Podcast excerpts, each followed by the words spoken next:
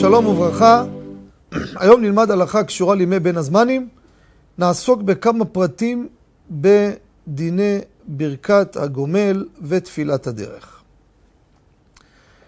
יש לנו דבר ראשון לגבי מי שירד לשחייה בים. אדם ירד לים, הרי ידוע שולחן ערוך אומר, יורדי הים כשיוצאים בשלום צריכים לברך הגומל. אין פה תפילת הדרך בשחייה, אבל הגומל יש פה. הלכה למעשה, אדם שירד לשחייה בים, לא טבילה, שחה בים, עשה שחייה, הוא, כשיחזור לביתו, חייב לברך ברכת הגומל. לגבי נסיעה ברכב, כל נסיעה שהיא לוקחת 72 דקות, הלוך וחזור בין עירוני.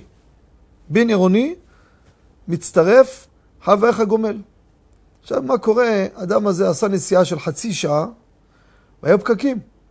הנסיעה הייתה נסיעה איטית, לקח לו שעה וחצי.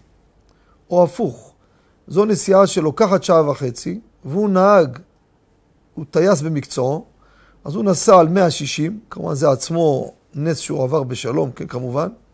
כן? השאלה, לקח לו פחות מ-72 דקות, האם יברך הגומל או לא. הלכה למעשה, הזמן בפועל שהוא היה בנסיעה לא עומד, נוסע, זה הקובע. אם תכלס נסעת בשטח 72 דקות, נסעת לאט על 30 כי היה פקק. זה נסיעה של 20 דקות, אבל הנסיעה איטית לקחה ויברך הגומל. נסע מדי מהר, ויצא לו פחות מ-72 דקות, לא יברך ברכת הגומל.